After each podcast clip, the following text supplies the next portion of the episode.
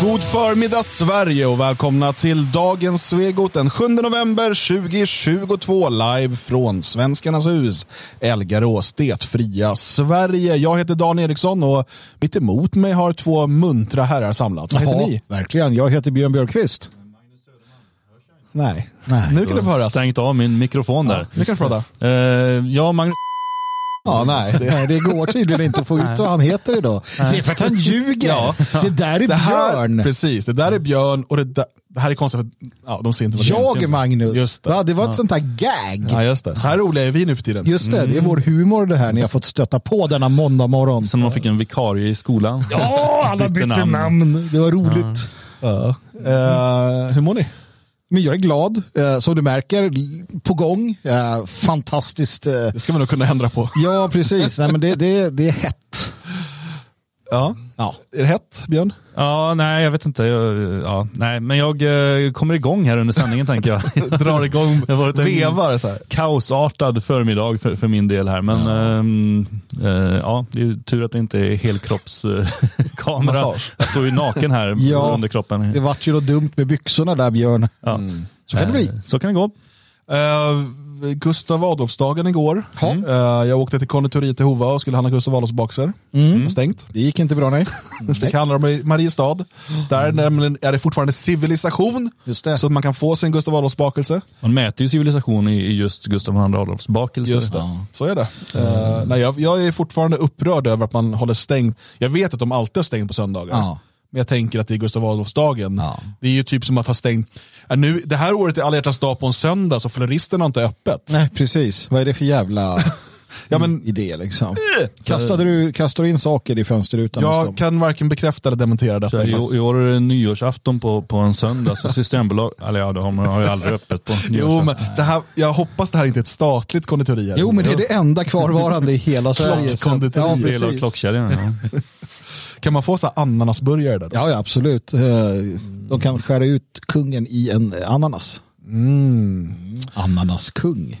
Härligt. Eh, ja, jag hoppas ni alla hade en eh, trevlig Gustav Adolfsdag igår och att ni fick tag på en Gustav Adolfs bakelse. Eh, det var en på Twitter som skrev till mig, han bodde i Norrland någonstans och han hade nio mil till närmaste konditori så att han orkade inte åka och handla. Jag kan förstå det. Han bakar väl själv då? Man kan ju köpa sådana här formar. Ja, precis. Han, han tänker på det varje år.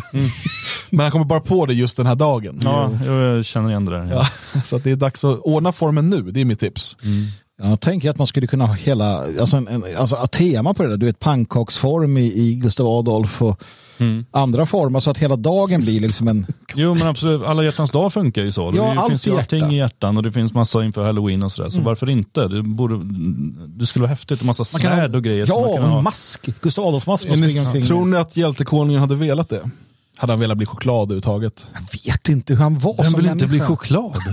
Jag tänker att han kanske var lite sådär, alltså han blev ju öl. Ja. Och det tror jag han gillar. ja. Han har blivit eh, gator. Ja. Han har blivit skulptur. Så varför inte bli pannkaka? Jag lyssnade på Kalle Lind häromdagen. Man får inte säga staty utan skulptur. Heter. Jaha. Eh, om det är mer unikt. Och målning och inte tavla. Eh, jag tänkte vi ska följa upp någonting vi pratade om.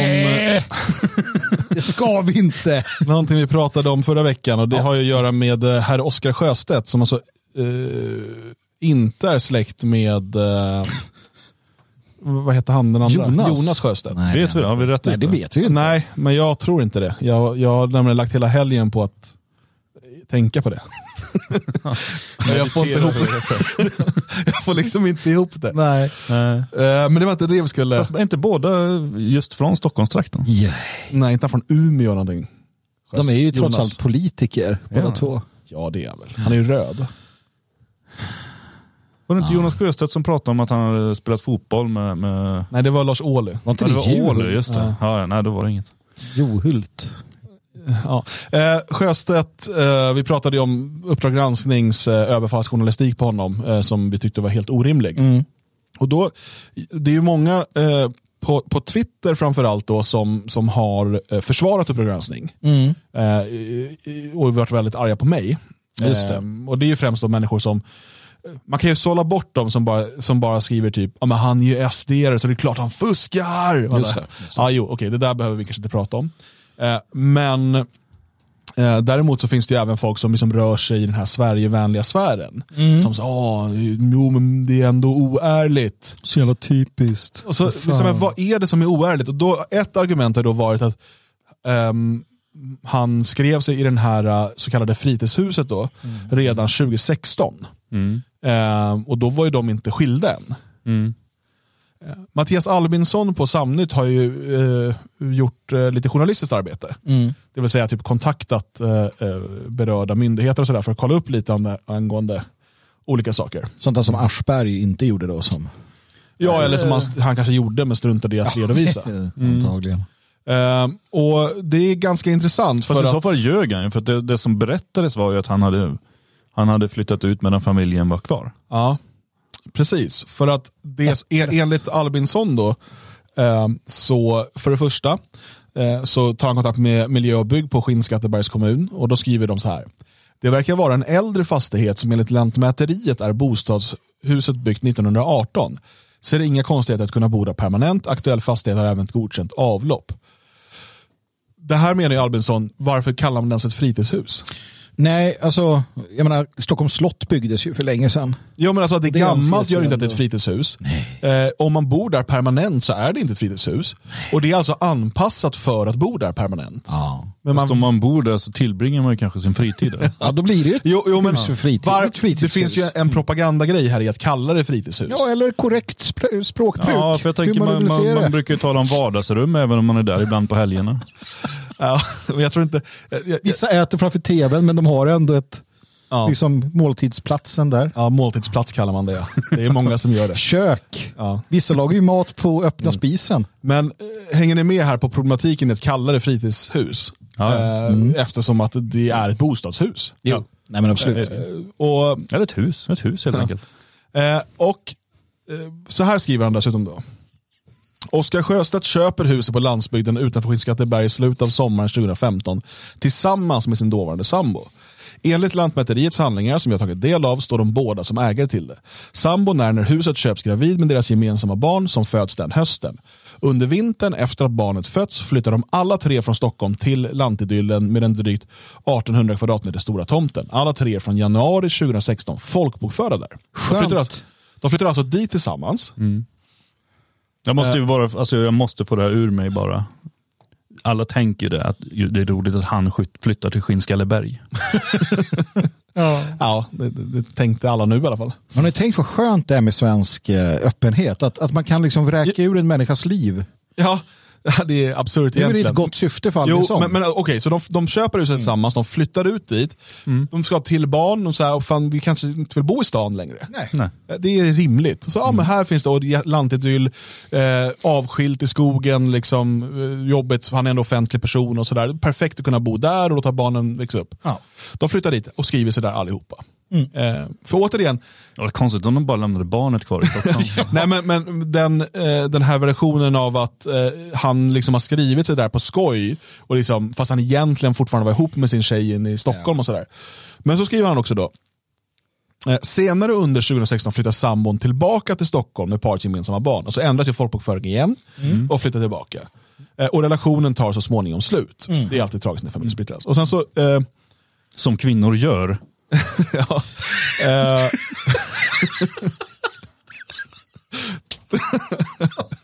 ja, det här var inte ett bittert avsnitt.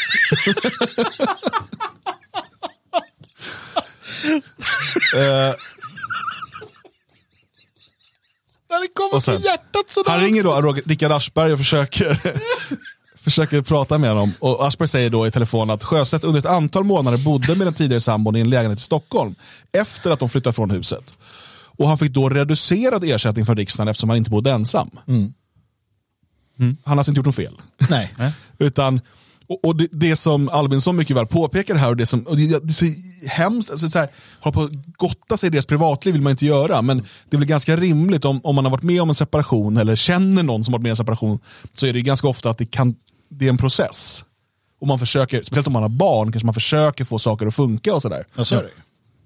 Eh, så, det, alltså, och, och, så när man går och tittar då i folkbokföringen, när man kollar allting, så finns det absolut ingenting som tyder på att, eh, liksom, att han har gjort någonting fel. Och tvärtom så Rickard Aschberg då på Uppdrag granskning, han, han kände till informationen att de flyttade tillsammans till det här huset först. Men väljer att helt hålla undan det. Men det gör han för att han inte vill liksom, han säger det själv här att han vill inte liksom, det är för personligt, han, vill inte, han vill inte ta upp den delen. Han vill bara ta upp delarna som får Sjöstedt att framstå som en fuskare. Liksom. Så att, snacka om att äpplet inte faller långt från trädet. Vilken jävla människa, de där Aschbergen. Alltså, vad- hur, hur, hur funkar en så här släktmiddag där? Det måste vara så jävla ogint. Och, Jag tror de ställer upp för varandra. Ja, men det kanske de i och för sig gör. Jag tror det. Bra jobbat Rickard. Ja, tack pappa. Uh, Okej, hörni, låt oss eh, gå in på det som är uh, titeln för dagen, uh, huruvida då ehm, politik är krig. Och det här då, jag tänker vi utgår ifrån um, Marcus Allards debut på, på Riks. Och det kan vi bara börja där då. Det hade man inte kunnat föreställa sig för tio år sedan. Nej, Nej, det fanns ju inte Riks. precis. Nej, dessutom. Men, men Allard att- fanns däremot. Allard satt och skulle sitta och hetsa mot vänstern och ge tips till högern så att säga. Ja. Nej, det kom lite oväntat får jag ju säga. Eh, Det, det kom oväntat för mig idag också. Jag trodde han var vänster. Ja, jag får vara tvungen att förklara för det att han inte är vänster, han är bara marxist. Just det. Det ser lika frågan ut fortfarande. Jag får inte ihop den där uh, Men det matematiken. är lite höger, vänster, man gör lite som man vill tänker jag. Ja, men, eh, om han och hans eh, poddkollega där, Malcolm, de är ju ganska tydliga med i sin podd att de inte är vänster, de hatar vänstern. Men de är kommunister och marxister. var inte Marx lite vänster? Nej. Ja. Men man kan ju ha Marx man, alltså, som filosofisk grund. De pratar ju om, han, och det gör han ju i den här videon också, deras materiella verklighet, materiella intressen och så vidare. Eh, Det är här eh, Kulturmarxist. Det är här jag också menar att man ska höja ett varnande finger, för jag ser hur Allard prisas och hyllas. Ja. Han är materialist i grunden. Ja. Han, han är liksom, vi måste förstå det. Och vi, vi kan förvisso ha saker som i många fall som går ihop där vi liksom ser lika, men han är i grunden en materialist. Liksom. Och, det, och det är ett problem, i alla fall utifrån hur jag ser det. Ja, utifrån den nationalistiska världssynen som är i allt väsentligt idealistisk. Jag håller med där, men med det sagt så, så är han ju fantastiskt duktig. Ja, det är ett väldigt bra inslag och han är ju... Eh, ha- han eh, har kvar geisten vi förlorade för länge sedan. Lite så, lite så. Nej men du förstår vad jag menar, han, man märker att han, han, han är bra, han brinner för det här och, och han har, det om man också lyssnar på poddarna och sådär som man gör, så han är ju duktig och han är, han är kunnig och liksom... Oh ja, oh ja. Och så. Han, han gör ett bra jobb, Eh, absolut. och Sen kanske inte, han inte är präst liksom. Nej, det är han verkligen Han är, han är inte. ju politiker, han är inte präst. Nej, det är han sannerligen inte. Och eh, det, det han eh, pratar om i det här första då, som heter politik i krig och därför förlorar högern om man inte förstår det. Eh, är ju någonting som vi har pratat om många gånger. Eh, inte exakt i de orden, men liksom sådär. Eh, jag, när jag såg det här så refererade direkt till eh, William Pierce, eh, varför konservativa inte kan vinna. Precis, skrevs Eh, 70 någon gång. Ja, precis. Så det- är inte så att han hittar på någonting nytt här. Men jag tycker han presenterar det på ett bra sätt och han är duktig och sådär. Och, och det är värt att återbesöka det här. För att ofta hamnar vi i, och vi kommer komma in på en del eh, lite nyheter och sånt där idag, eh, där man så här undrar, är de så här dumma? Kan de, vi kommer att prata, Henrik Arnstad säger att svenska demokratin är eh, på väg att avskaffas. Tror han verkligen det? Nej, det är klart han inte gör. Eh, Han kanske tror det. eh, FN-kritiken mot det rasistiska Sverige. Är det så att eh, eh, liksom, det här handlar om att de vill ge någon typ av objektiv bild? För, för det, det han menar då, man kan antingen se politik som krig eller som en, liksom en match, en fotbollsmatch eller liknande, där det liksom är två motståndare som lite grann, och, och det finns regler och domare och så. Eller så är det krig där eh, alla till buds stående medel eh, används för att förgöra motståndaren. Ehm, och att vänstern har alltid sett politik som krig. Alltid förstått. Alltid förstått. Ja. precis. Medan högern, och det här är ju framförallt en konservativ sjuka, eh, har eh, alltid sett det som att det är en match och där vi har- ska ha debatt och vi ska ha en god ton. Och vänta, nej men vänta, man får inte ljuga. Liksom, man får inte sådär. Och det är därför också han går in på det här med att man tar avstånd och man liksom låter motståndarna diktera villkor och så vidare istället för bara köra över dem. Jag tycker det är en ganska bra jämförelse när han säger att skulle liksom Annika Strandhäll avgå för att alternativmedia, drevar och eh, sverigedemokratiska väljare är sura på henne för hennes uttalanden. Aldrig. Men så fort en sverigedemokrat blir drevad emot i Aftonbladet och sosseväljare är arga på Mm. den här, då blir den utesluten ur Sverigedemokraterna. Måste vi, avgå. Vi fick i och för sig Allard utesluten ur Ung Vänster. Ja, men Ja. Vi, vi hjälpte honom på vägen. Men rent generellt kan vi ju se till exempel, ett exempel är ju just som hur Expo då eh, tjänar som eh, Sverigedemokraternas renhållningsstyrka. Eh, liksom, styrka. De hänger ut nazister Precis. Men, men därför är det intressant att det här publiceras nu på Riks. Mm. För det här, egentligen, jag ser det här som 15 minuter kritik mot Ja, Sverigedemokraterna. absolut, absolut. Eh, och det är det som gör det uppfriskande och bra och viktigt. Mm. Men okej, är politik krig eller är politik, eh, vad, vad är motsatsen? En, en, Inte krig. ja, men är, eller är politik eh, ett debattforum? Jag skulle säga att, att i, i de tider vi befinner oss just nu så är det definitivt krig. Jag skulle säga att i en, en homogen en homogen nation eh, eller liknande statsbildning med en politisk korrekthet som ändå grundar sig i någon form av nationalism eller vad vi nu ska kalla det för så kan det vara mer utav en, en, eh, ett spel, en diskussion, en debatt. Va? Men med en stark kung till exempel som kan avgöra sakfrågor. Men som det är nu så är det definitivt ett krig och det har varit så väldigt länge och eh, vi har inte, eller snarare högern har inte fattat det. De har inte fattat det sedan liksom den konservativa revolutionen i Tyskland då de tog till vapen. sen, var det kört liksom. Speciellt sen 45 har det varit hopplöst. Ju lite grann, måste jag säga, börjat. Det är som att högern har börjat vakna till lite grann. Eh, långt ifrån alla, men man ser ändå ett hårdare debattklimat nu. Tidigare har ju högern bara tagit emot. Nu har de ju börjat slå tillbaka. Även om de fortfarande har kvar de här sjukan att de anpassar sig efter vad vänstern säger. Eh, men, men tidigare så var det ännu mjäkigare måste jag säga. Eh, sen är det också, jag menar, man, man lyfter fram hur, hur vänstern inte tvekar en sekund för att ljuga. Eller, så här, det, det, det är ju såklart egentligen någonting som även höger borde pyssla med inom politiken. Men sen är det också skillnad då på att ljuga om motståndaren eller ljuga för sina väljare. Mm. Eh, högern har varit ganska duktiga inför det här valet att ljuga för väljarna. Som pratar om bensinpriser och sånt där. Mm. Eh, det är ju bara svineri. Utan använd de lögnerna i så fall mot vänstern. Här vill jag ju då naturligtvis gå in och, och säga att vi gör något helt fel. Vi ska aldrig någonsin göra det onda för att tro att vi därigenom gör det goda. Inte vi, men politikerna. Och när det gäller Fast jag tror, även politiker. jag tror du har fel, jag ska förklara varför. Så jag tror att vi behöver inte ljuga. Och har du en inställning som att jag är politiker och jag ska ljuga, då blir du en ganska dålig människa i längden. Kommer aldrig kunna göra bra saker, så vi ska hålla oss från det. Det är därför de stora religionerna, de stora filosoferna, de stora kejsarna, alla säger att du ska inte hålla på så. Att sen säga att vi ska göra det tror jag är helt fel och kommer motverka våra syften i förlängningen. Men ja, definiera ljuga. Eh, det är också ett problem. Ljuger Henrik Arnstad i sin debattartikel? Alltså ljuger... beror ju på hur han ser det. Ja, men, alltså, ljuga, okej, men det här handlar ju om viljan till makt. Ja.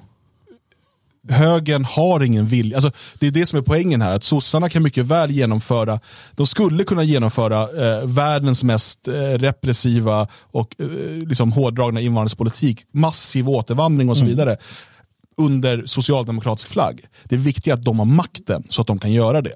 Eh, Medan högern går runt och tror att det finns liksom regler och rätt och fel som vi ska förhålla oss till, hur man beter sig och därmed får man aldrig makten. När man väl eh, lyckas vinna ett val, då håller man bara på att anpassa sig för att den andra inte ska bli ledsen. För att ingenting, och, och, och, istället för att, liksom, alltså, det, det här är som är den stora skillnaden. Socialdemokratin och vänstern generellt har makten framför allt. Och eh, högern har eh, att göra rätt framför allt. Och det är fel att göra andra människor ledsna. Det är fel att, och, så, och då kan de spela det på det så fort de vill. Då kan de, och så kan de, så kan de säga att mänskliga rättigheter, demokratin är döende, jag är kränkt. Och då backar högern. För det är fel att, att, att, att, att göra de här sakerna. Och då, då kan man säga som du, ja, för vi ska aldrig göra fel för, för att göra rätt. Nej, men att säga att demokratin är döende är någonting vi kanske borde säga istället. För det är ju sant.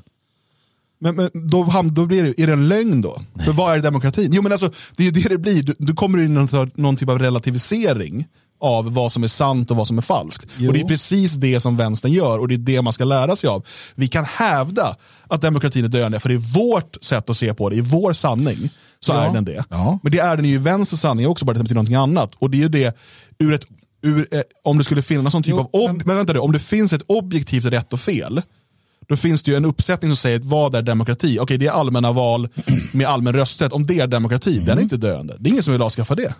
Om man sitter tillsammans i en grupp och ska driva, politisk, eh, skriva politik, till exempel skapa ett parti eller jobba med politik. Om man där sitter och pratar öppet om att vi ljuger. Vi ska Nej, men det ljuga. gör man ju inte. Det gör ju inte sossarna heller. Nej, men det är det, jag inte menar. Jo, ja, men, vi gjorde ju precis det så att vi ska Nej, ljuga. jo fast. Var, inte det, eller var det det du menar Björn? Man ska sitta på möten och bestämma Nej, hur man ska jag- ljuga? Nej, jag sa ju till att börja med inte vi, utan eh, politikerna. Jag är ingen politiker, jag behöver inte ljuga. Eh, men alltså att, att eh, använda, för, för att Hmm. Nu när vi pratar om lögner, jag kommer tänka på en artikel som jag såg i Arbetarbladet eh, för ja, igår.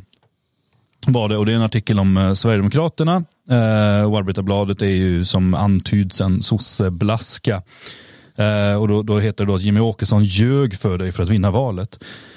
Eh, och den här ledarskribenten tar då upp det här med bensinpriserna och, och eh, vilket är en uppenbar lögn som man kommer i och med att man kunde byta sida så väldigt fort efter valet.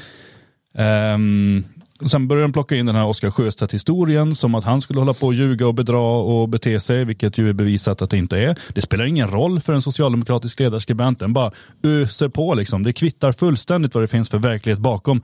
Man har bestämt sig för det. Sen går man vidare, det finns ju inte en eh, skribent om Sverigedemokraterna av rang som inte lyfter in Adolf Hitler. Eh, då ska vi se här. Då står det så här, eh, men Sverigedemokraterna är inte vilket parti som helst. Kanske spelar, spelar deras nazistiska rötter in här. Adolf Hitler myntade begreppet den stora lögnen. En lögn så stor att vi utgår från att ingen skulle våga sig på den och därför istället utgår från att det är helt sant. Det här är ju den stora lögnen. Adolf Hitler har inte hittat på den här stora lögnen. Han har Nej. inte myntat det här. Han har inte kört på. Jag satt och googlade det och det hävdas att det är i Mein Kampf. Jag satt och gick igenom Mein Kampf, sökte kapitel för kapitel. Jag satt inte och läste hela boken där igår, men sökte kapitel för kapitel efter ordet lögn för att hitta källan som det ofta hänvisas till. Det finns inte i Mein Kampf, utan det är den stora lögnen att Adolf Hitler hittar på den stora lögnen för att få lov att ljuga. Det här är ju vänsterns eget koncept. Detta är det och man kör på det helt för det är ingen som ifrågasätter. Det är ingen sverigedemokrat som vågar komma att nej, sa verkligen Hitler det? Då måste de erkänna att de har kollat i Mein Kampf, för det kan de inte erkänna. Utan man bara låter lögnerna rulla på. Eh, och det är så de håller på, vänstern. Men, Det är så de för, håller på. för det är frågan här, som lögn och så vidare. Om man tänker på hur våra motståndare arbetar. De förstår att politik är ett krig. Det handlar om att, att vinna. Det handlar om att, att säkra makten. Eh, jag tänker, tänker på, tillbaka på när, eh, för många, många år sedan, när vi blev, i Skogås blev överfallna av ett invandrargäng, eh, vi från Nationaldemokratiska ungdom och det blev slagsmål. Vi jagade iväg dem, de kom tillbaka och sköt efter oss med pistol. Då skriver eh, tidningen att eh, ett gäng eh, skinnskallar det fanns skinnskallar med oss, det var, alla var inte det. Ett gäng skinnskallar och ett gäng ungdomar brakade samman i ett bråk. Någon sköt med pistol. Så står det i tidningen. Det är ingen lögn. Men det passar deras agenda. För att den som läser det hör hur skinnskallar bråkar med ungdomar, någon skjuter med pistol. Allt är sant, men man väljer att berätta det på ett sätt som passar in i deras syfte. Precis. Alltså för att på något sätt, alltså vad kan liksom föra vår front framåt, tänker de. Hela tiden. Absolut. I varje sak de gör. Och där, eh, det är så jag uppfattar det Björn säger. Att, och och då kan man kalla det för ljuga, eller man kan kalla det för vad man vill. Men eh, det är där, varför ska vi vara bättre? Vi behöver ju också förstå att eh, alltså vi måste också ha en, vi, alltså i stort, eh, höger, nationella, vad fan man vill kalla det för, en vilja till makt. Absolut. Inte en vilja till att spela spel. Nej, och min tanke är ju det att eh, du ska naturligtvis vara en skicklig propagandist. Men jag har alltid, så att säga, genom eh, alla tider som jag har gjort det, sagt också till människor som har jobbat med mig att vi kan vinkla, vi kan naturligtvis föra fram vårt narrativ.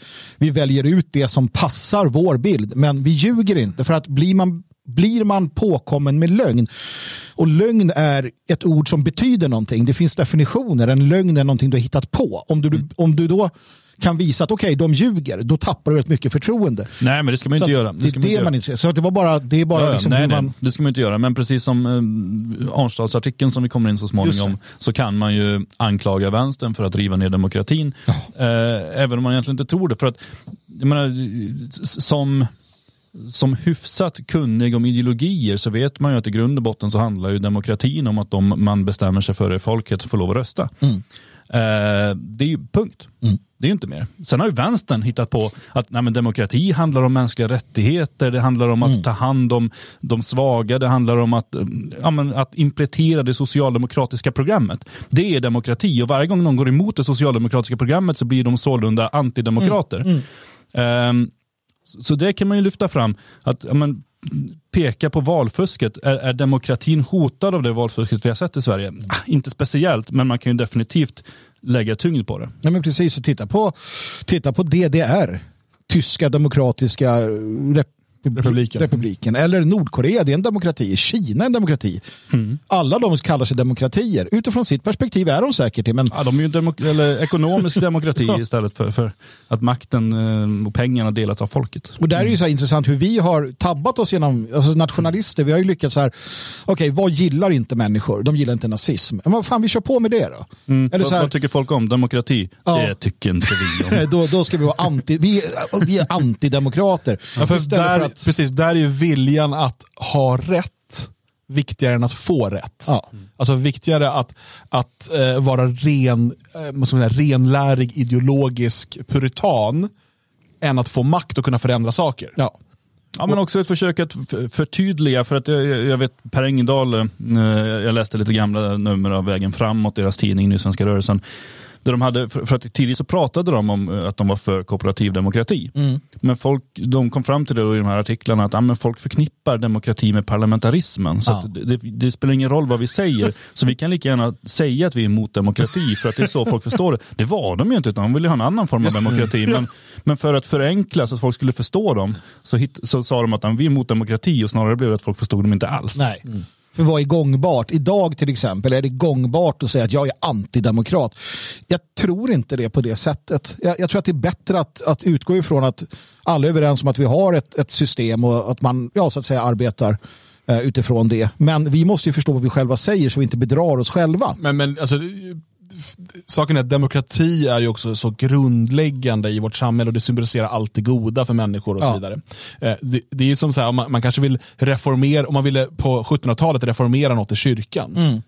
Då går man inte säga att man är emot kristendomen. Nej, tänk om Luther Jag, bara... vi är emot Jesus Kristus! Ja, ja. Så bara, egentligen vill vi bara ändra psalmboken, men det, det är liksom, utan då, för det hade varit väldigt, liksom väldigt dumt att säga Luther det. säger att han är satanist. Ja. Liksom. Ja, då, är det ju, då är det ju smartare av Luther att gå och säga att ja, men de här uh, Jag är den riktiga ja, de gamla, ja. den gamla skolan här som vi följer, det här är ju inte riktig kristendom. Nej, precis. Eh, och, och lite så, Sverigedemokraterna har ju kört det ganska framgångsrikt och talat om att ja, men, vi är de riktiga demokraterna, de andra är inte.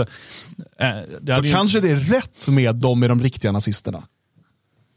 ja, Utifrån ett propagandistiskt perspektiv tror jag säkert att de vinner mycket på att driva den där frågan mot För, sossarna. för vi har ju hela tiden den här reflexen då när, när vi hör det från folk, så här, Sverigevänner och så vidare. Så bara, Nej, det är de ju inte för att, och så ska vi istället ha rätt. Jo, men- istället för jo, att få rätt. Det behövs också. För att vi Ja, ja, ja, tre, jo, Vi jo, har ju olika men vi är inte, vi är inte Ja. politiker. Nej. Men, men jag bara menar, vi, det, det kan ju också vara, Eh, det, är därför som jag tror att man måste förstå att de som håller på med politik alltså, och vill ställa upp i val och så vidare, de har helt andra eh, regler att förhålla sig till, eller helt andra liksom, strategier att förhålla sig till, än, än vi som är liksom, radioapor och, och, och håller på med metapolitik. Men de måste ju också stå ut med det, för att jag menar varje gång, och det gör mig så trött, varje gång man ser någon, oavsett om de är från Sverigedemokraterna eller från någon annan variant av, av eh, den så kallade högern, eller från vänstern, varje gång de skriker om fascism och nazism så känner jag bara att nu förlorade du omedelbart. Så, här, så bara, nej, de andra är nog inte fascister, men du, du är lite dum i huvudet, för du förstår ju uppenbar- alltså,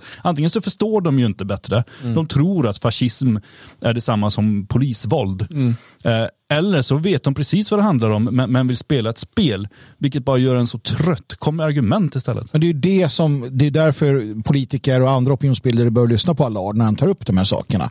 För att förstå det grundläggande att det är krig och inte ett spel med jämna med en jämn liksom, laguppställning utan Och- det är krig. Ja, precis. Och det, man kan ju liksom, läser man bara, du kan gå till Machiavelli. Liksom. Ja, alltså, du måste, ju- det här är ju, återigen, det här är inga nya tankar, det är bara det att vänstern i bred bemärkelse eh, har eh, på ett annat sätt och, Jag tror att det är också för att vänstern generellt sett eh, är mer eh, skam lös. Ja, ja.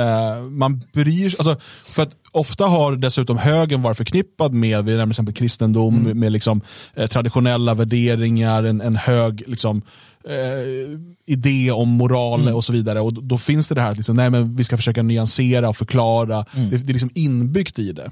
Eh, och i ett krig, om politik är krig och den ena har automatvapen och, och den andra liksom ställer upp med svärd och sköld, så kommer de med svärd och sköld kanske dö vackrare. Men de kommer dö. Men, men det är ju det här som blir intressant. När, när de, de konservativa, ta den konservativa revolutionen, ta de personerna som var med den.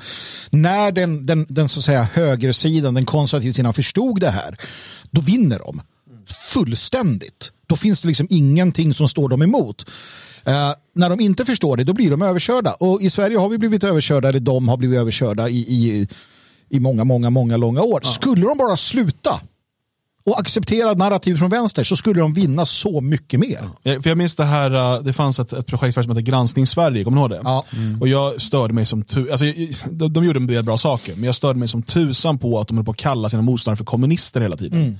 Ja, det där är ju kommunism, och så var det vad som helst. Det där var ju inte kommunism. Och jag blev, för man tänker nej, men egentligen hade de ju rätt Ja, ja. ur ett strategiskt perspektiv. Det är bara att kalla dem för dåliga saker. För att, eh, och liksom bara hamra in det. Ja. Och jag vet inte om det var att de var korkade och trodde att det var kommunism, eller om de var smarta och såg det som en strategi. Men det funkade de fick ju med sig mycket folk som tyckte att det här och blev sura på folk och eh, kommunism och så. här, "Ja, det är det ju inte. Ja, men det där är ju generellt ett problem kan jag tycka. Eh, Bara det att vad kallar vi våra motståndare? För jag vet ju själv, jag försöker ju hitta så, så rätt som möjligt. Så här, ja, men vänsterliberal, eh, sådär. Eller en höger, ja, och sådär. Istället för att bara uh, de är liksom, vad är de? Och det där- Fiender i ett krig. fiender i ett krig. Ja, men ett, ett exempel som finns just nu som är ganska tydligt, det är ju den här NATO-historien som håller på.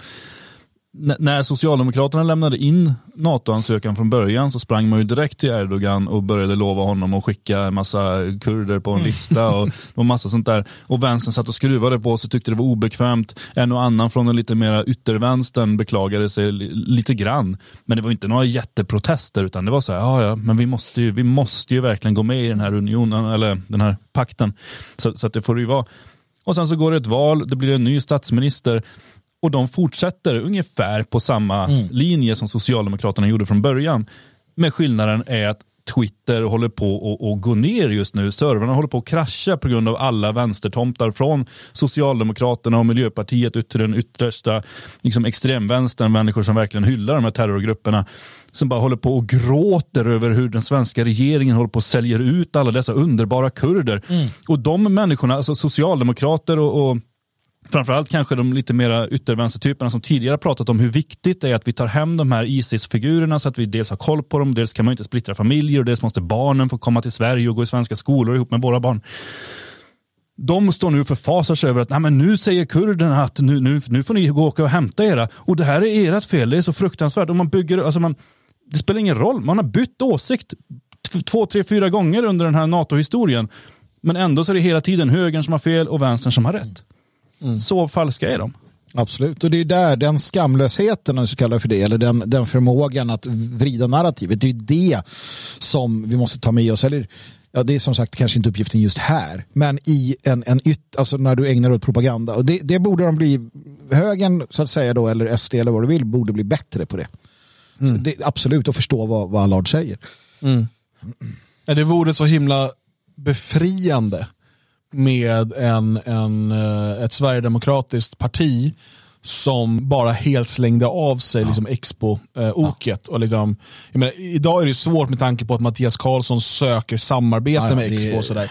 Men, men, så att man behöver byta ut ledningen. Men jag kan alltså, det är inte helt omöjligt att en, en generation som kommer efter eh, med, med Tobias Andersson och de här, de här lite yngre, när de börjar ta över, att de också går, för de har heller inte, jag tror att Åkesson och Karlsson och de, de gick med i partiet på 90-talet och de, eh, när det liksom var nazister och skinnskallar och så vidare med i partiet, även om det fortfarande var ett Sverigedemokratiskt parti och liksom politiskt var de inte nazister. Men jag tror att de har, en, inte dåligt samvete, men det är någonting som gnager i dem att de känner att de behöver göra upp med det där. Vilket jag tror eh, inte en yngre generation har. Nej. Precis som att liksom, eh, man märker när man bor i, i Tyskland att um, liksom, eh, förintelsen är en mycket större grej för en äldre generation mm. som, som ofta tar upp, jag, jag minns när jag träffade min frus uh, farmor för första gången uh, och, och, hon liksom Ja, jag förstår Hon på eget bevåg skulle liksom ursäkta sig över vad de hade gjort med judarna och sådär.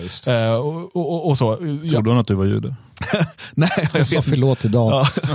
Jag var nej, Eskimo sa jag. jag, var, jag var inte så bra på tyska då. Nej. nej. men det finns en grej, men den yngre generationen säger varför ska vi, nej. varför ska vi, liksom, jag, jag minns väldigt tydligt flyttade till Berlin och eh, min sekreterare visade mig det här förintelsemonumentet och, och berättade eh, Eh, hon, bara, jag förstår inte varför, och hon visste ingenting om mina politiska åsikter. Hon bara, jag förstår inte varför vi ska ha det här i vår stad, varför ska vi gå och skämmas? Jag, inte, jag föddes 87 liksom och sådär. Eh, och jag tror att det finns lite liknande i SD, jag hoppas det. Att det kan komma en yngre generation som, eh, som inte känner att de behöver be om ursäkt till Expo. De, eh, de är rädda också. Ja, det tror jag. Det finns kvar en, en en, en rädsla för Expo för vad de kan åstadkomma. Ehm, för att det var det vi växte upp med och vi, vi var ju duktiga på som nationella att, att eh, liksom föda den rädslan. Vi, vi målade upp, och det här är väldigt dumt, vi målade upp Expo som en, liksom, en, en, en makt som var väldigt allomfattande. De var starka och de, de visste allt om alla och sådär. Det fanns en rädsla för hela den här eh, liksom autonoma vänster. Nu, kanske, nu kanske Våg blir jätteglad.